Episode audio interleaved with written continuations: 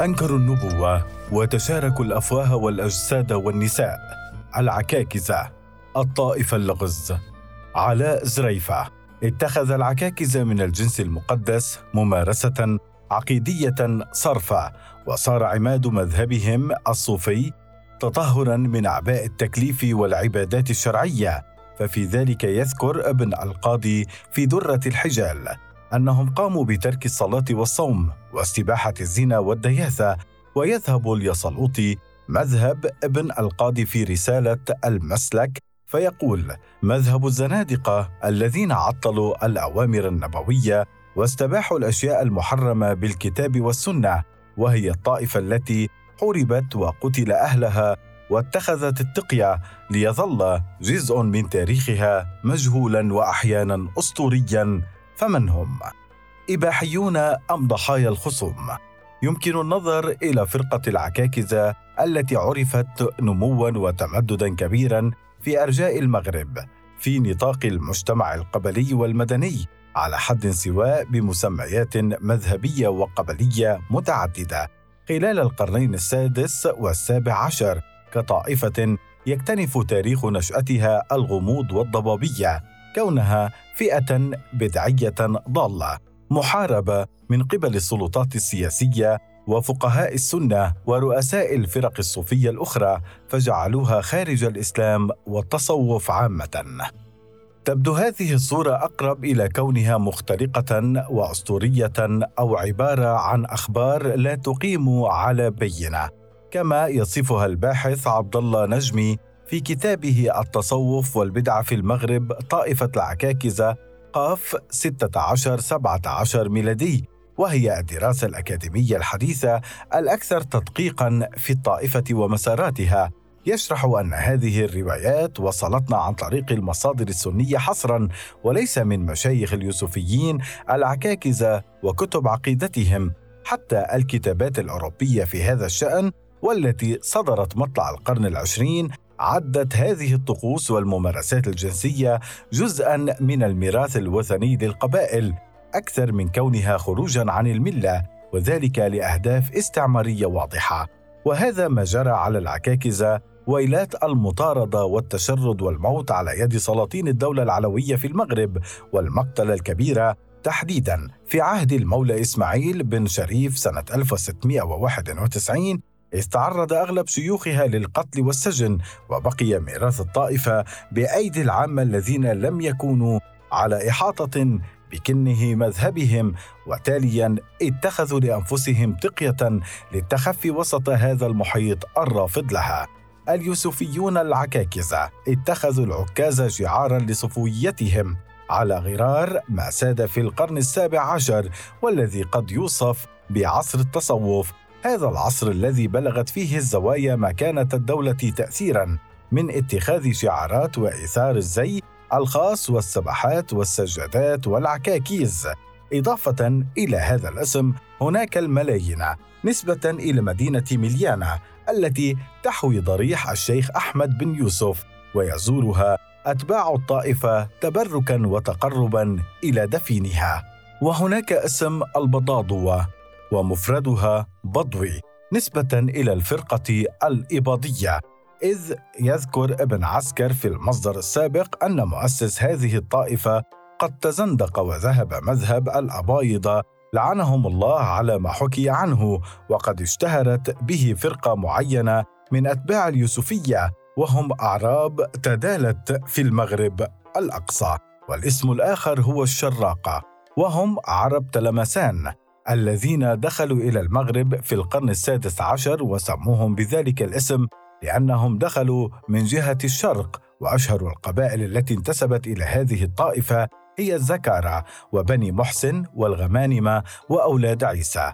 ويدين هؤلاء جميعا في مرجعيتهم الفكرية والمذهبية لأحد أكبر أعلام المتصوفة وهو أحمد بن يوسف الراشدي تاريخ 1524 الذي بلغ من أمره مريده وأتباعه أن غالوا في تقديره إلى درجة النبوة والذي تبرئه المصادر السنية من هذا الادعاء وكذلك الراشدي نفسه يتبرأ منهم. فيذكر ابن عسكر في الدوحة أنه سمع بعض الفقهاء يقول ظهر في حياة الشيخ والمقصود نبوته فلما بلغه ذلك قال من قال عنا ما لم نقله يبتليه الله بالعلة والقلة والموت على غير ملة كانت للراشد دفين مليانة وهو الذي لقب نفسه بصاحب الوقت والعارف وفارس العقبة وهو تلميذ الشيخ أحمد الزروقي تاريخ 1514 وشطحاته الخاصة كغيره من المتصوفة المجذوبين فصدر عنه قوله أنا هو وهو أنا ويقصد الله أو أنا الرسول ونائب الرسول وخليفته على الأرض ليأمر بالمعروف وينهى عن المنكر في إطار مهدوية لم تكتمل ثم قوله طف بي كبديل عن طواف الحج. هذه الشطحات وقعت تحت سوء التأويل وخلل الفهم لتخرج عن نطاقها الصوفي إلى كونها بدعة وغلوا وإباحة عند العكاكسه كما تصفها المصادر السنية. نبي الحقيقة النبوة المنتحلة سوف تمتد إلى أحد تلامذة الراشدي وهو أحمد بن عبد الله المنزولي الذي يبدو وفقا لنجمي في المرجع السابق اسما مختلقا يحمل مضامين مهدوية واضحة فأحمد هو اسم النبي محمد الذي بشر به المسيح وعبد الله هو اسم والد النبي محمد. أما لقب المنزول فهو كناية عن النزول والهبوط لإصلاح ما قد فسد من أمر البلاد والعباد. الشخص الذي تسمى به هو عمر بن سليمان العلوفي وهو من تلامذة الراشدي وصحبه وقد استأذنه للخروج بعد أن أتم التتلمذ عنده. ينشر مذهبه في بلاد المغرب في النصف الثاني من القرن السادس عشر ويكنى عند العكاكزة بنبي الحقيقة. الذي يفضلونه على النبي محمد نبي الشريعة لأن المعرفة عندهم سابقة ومقدمة على العبادة الشرعية. وقد فضلوا عمر بن الخطاب على النبي محمد وتبرأوا منه وصرحوا ببغضه وتجرأوا على سبه وأذيته ووضعوا لأنفسهم كتابا جديدا أسموه بابن رباش أو ابن نحاس من دون القرآن وهو عبارة عن أدعية ومناجاة لله وضعها المنزولي. وتبعا لذلك فقد تم تعطيل الأوامر الشرعية كما يشير ابن أبي محلي في كتابه المنجنيق إلى أن شيخهم قال لهم افعلوا ما شئتم من المعاصي فقد تحملتكم. وحكى أيضا عن أنهم يقولون في ترنمهم بألفاظ بدعتهم آمنا بك سيدي أحمد وصدقنا بك يا العلوفي. وأن العلوفي نفسه قال لهم إني رسول إليكم من عند سيدي أحمد الراشدي. يقرأ عليكم السلام ويقول لكم إني رفعت عنكم صلاة الخمس والصوم أو نحو ذلك. هذه المقولة التي يكررها الريفي في جواهر الصمات. إذ يقول إن أحمد بن عبد الله المنزولي لما خرج من عنده أي الراشدي لقيه الشيطان على صفة شيخ. فقال له يا أحمد أوصيك على التلامذه والمريدين فإني قد ضمنت لهم الجنة بغير صيام ولا صلاة وحللت لهم المناكر والفحشاء فرجع المنزولي وأخبر أصحابه بما أخبره به الشيطان على صفة الشيخ. وبحسب ما يروى فإنه أباح لهم لحم الميتة كونها أضحية الله ماتت بأمره وكذلك أكل لحم الخنزير. وتذكر المصادر أنهم كانوا يشربون دم ذبائحهم ولا يذكرون اسم الله وهم يأكلون بالإضافة إلى انتهاكهم حرمة المسلمين وهذا كان شأن أغلب القبائل والفرق التي تحاربت في القرن السابع عشر. صلي وأعط أخاك يصلي. اشتهر جانب الإباحة الجنسية على حساب سواه عند اليوسفيين العكاكزه وقد عنيت المصادر السنية بوصفه وشرحه. وتوحي بإطلاقية مظهر استباحة الزنا ما يقربها من ظاهرة البقاء المتسمه بالمداومة وفقا لما يذكره نجمي في المرجع السابق وهي شاملة لكل اليوسفيين شيوخا واتباعا. أما المصادر الأوروبية فأرجعتها إلى ممارسات وثنية سابقة على حقبة الإسلام عند بعض القبائل. تروي بعض المصادر التاريخية أن اليوسفيين لم يقتحموا الفاحشة الجنسية المحرمة اسلاميا والتي تروي ضروبها باستفاضة المصادر السنية لغرض الاستحلال المجاني بقدر ما تعبر عن كونهم يمارسون فعل التوبة من خلالها. وفي تحليل وإباحة ما سبق فإنه تنسب إلى اليوسفيين أقوال في هذا الشأن مثل المرأة كالسجادة صلي وأعط أخاك يصلي. وتحريف لحديث نبوي يقول لا يؤمن أحد حتى يحب لأخيه ما يحب لنفسه والرأس ذلك زوجته. ونحن نأكل من حبة ونرقد في جبة ونشرب من جعبة.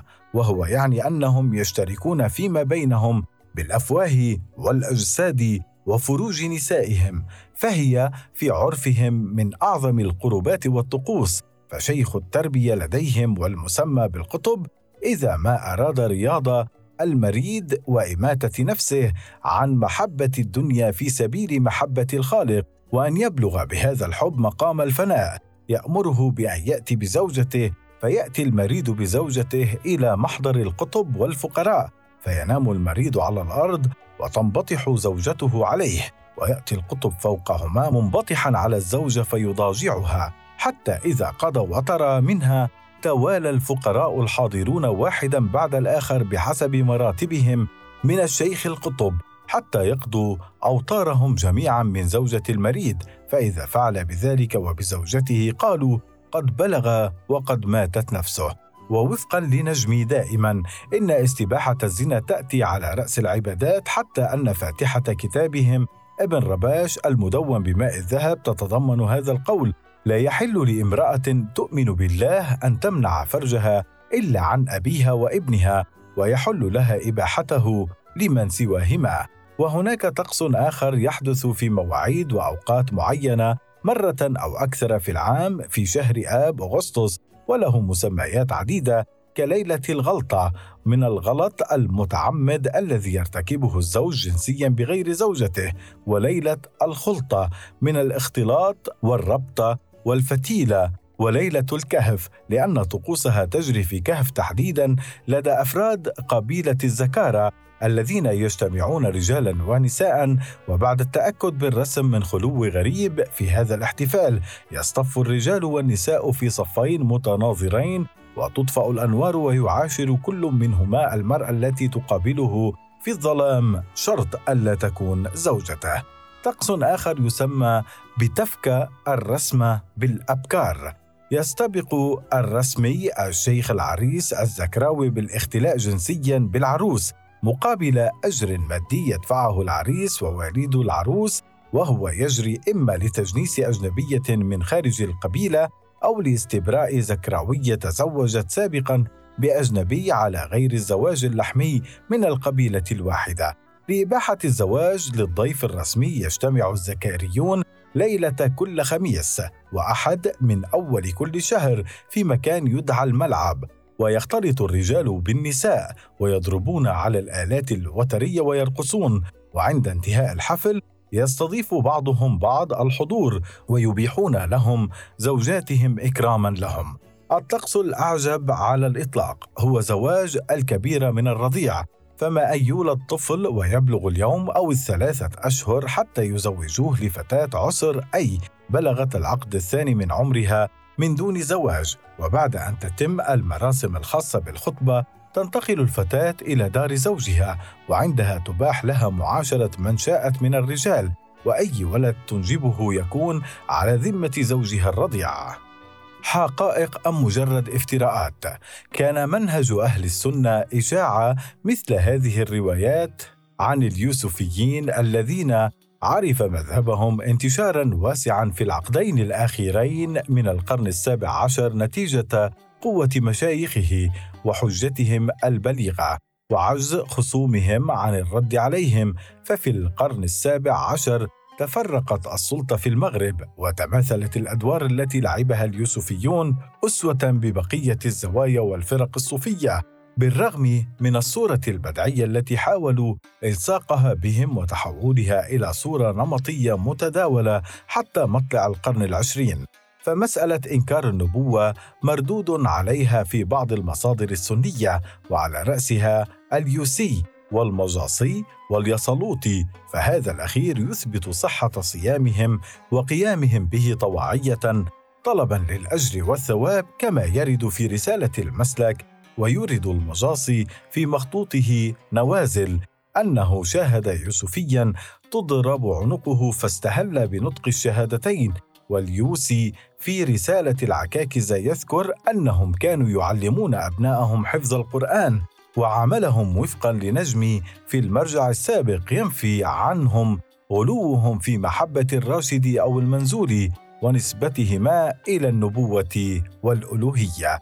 وهذا ما رماه أهل السنة في المشرق ضد جميع أعدائهم من المتصوفة والشيعة والزنادقة. وعنهم أخذ أهل المغرب السنة من ذلك ما ألصقه أبن المحلي بصهره عبد القادر بن محمد السماحي لانتسابه إلى الطريقة الراشدية وما أنزله المولى محمد بن الشريف في حق الشيخ الدلاء لإجارته اليوسفيين والتسامح معهم. أما الاستباحة الجنسية الواردة بكثرة في الحديث عن اليوسفيين العكاكزة فهي وإن صدقت ليست خصيصة فحسب عندهم إذ يذكر المهدي الوزاني في كتابه تحفة أهل الصديقية أن بعض برابرة المغرب كانوا يبيحون نساءهم للضيوف تكرما وجهلا منهم بالحرمات. كذلك علال الفارسي في النقد الذاتي يقر بأن القبائل كانت تكرم ضيوفها بوسائل غير مشروعة وأنهم اعتادوا على إحياء موسم الصالحين بممارسة شعائر الجنس الجماعي ويعبر عن هذا نجم أيضا في المرجع السابق على أنه تأويل لصورة البدعة اليوسفية فيقول: لم يدعي أحد من الذين وصفوا البدعة اليوسفية سنيا كان أم أجنبيا أنه قد حضر اجتماعا من اجتماعات الإباحة الجنسية أو شاهد بأم عينه أو سمع مباشرة.